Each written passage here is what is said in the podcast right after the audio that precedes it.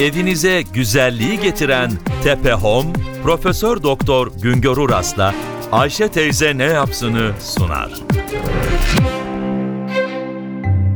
Merhaba sayın dinleyenler, merhaba Ayşe Hanım teyze, merhaba Ali Rıza Bey amca.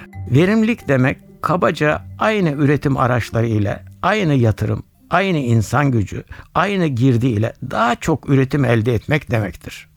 Aynı yatırım ile, aynı makine ile daha çok üretim yapılıyor ise sermayede verimlilik artışı sağlanmış olur. Aynı sayıda çalışan aynı çalışma süresinde daha çok üretim yapıyorsa işçilikte veritim artışı sağlanmış olur. Aynı üretim için daha az elektrik, gaz, mazot kullanılmış ise enerji kullanımıyla verimliliğin artışına katkı sağlanmış olur.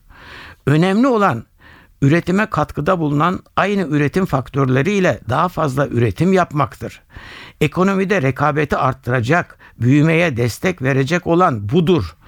Verimlilik üretilen mal ve hizmet miktarı ile bu mal ve hizmet miktarının üretilmesinde kullanılan girdiler arasındaki orana bakılarak ölçülüyor. Basit anlatımı ile verimlilik üretimde çıktı ile girdi arasındaki farktır. Girdi küçüldükçe verimlilik artmış oluyor. Sonuç olarak verimlilik artışı aynı mal ve hizmeti daha düşük harcama ile üretmek anlamına geliyor. Verimlilik artışı üreticiye rekabet gücü kazandırıyor. Bilim, Sanayi ve Teknoloji Bakanlığı çalışan kişi başına ulusal verimlilik istatistikleri yayınlıyor.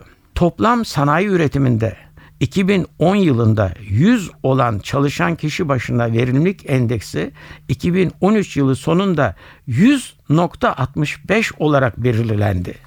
2014 yılı Eylül ayında verimlilik endeksi 100.86 oldu. Görülüyor ki toplam sanayi üretiminde 2011 yılından bu yana çalışan kişi başına verimlilikte artış yok. 100 olan verimlilik endeksi 101 bile olamadı. Gıdada verimlilik 2011 yılında 108.70 olmuşken 2014 yılında 101.82'ye geriledi. Tekstilde, giyimde, deri sanayinde hatta motorlu kara taşıtları üretim sanayinde verimlilik artmıyor. 2010 yılının gerisinde bu bilgiler Bilim, Sanayi ve Teknoloji Bakanlığı'nın derlediği Türkiye Ulusal Verimlilik İstatistiklerinden alınan bilgiler.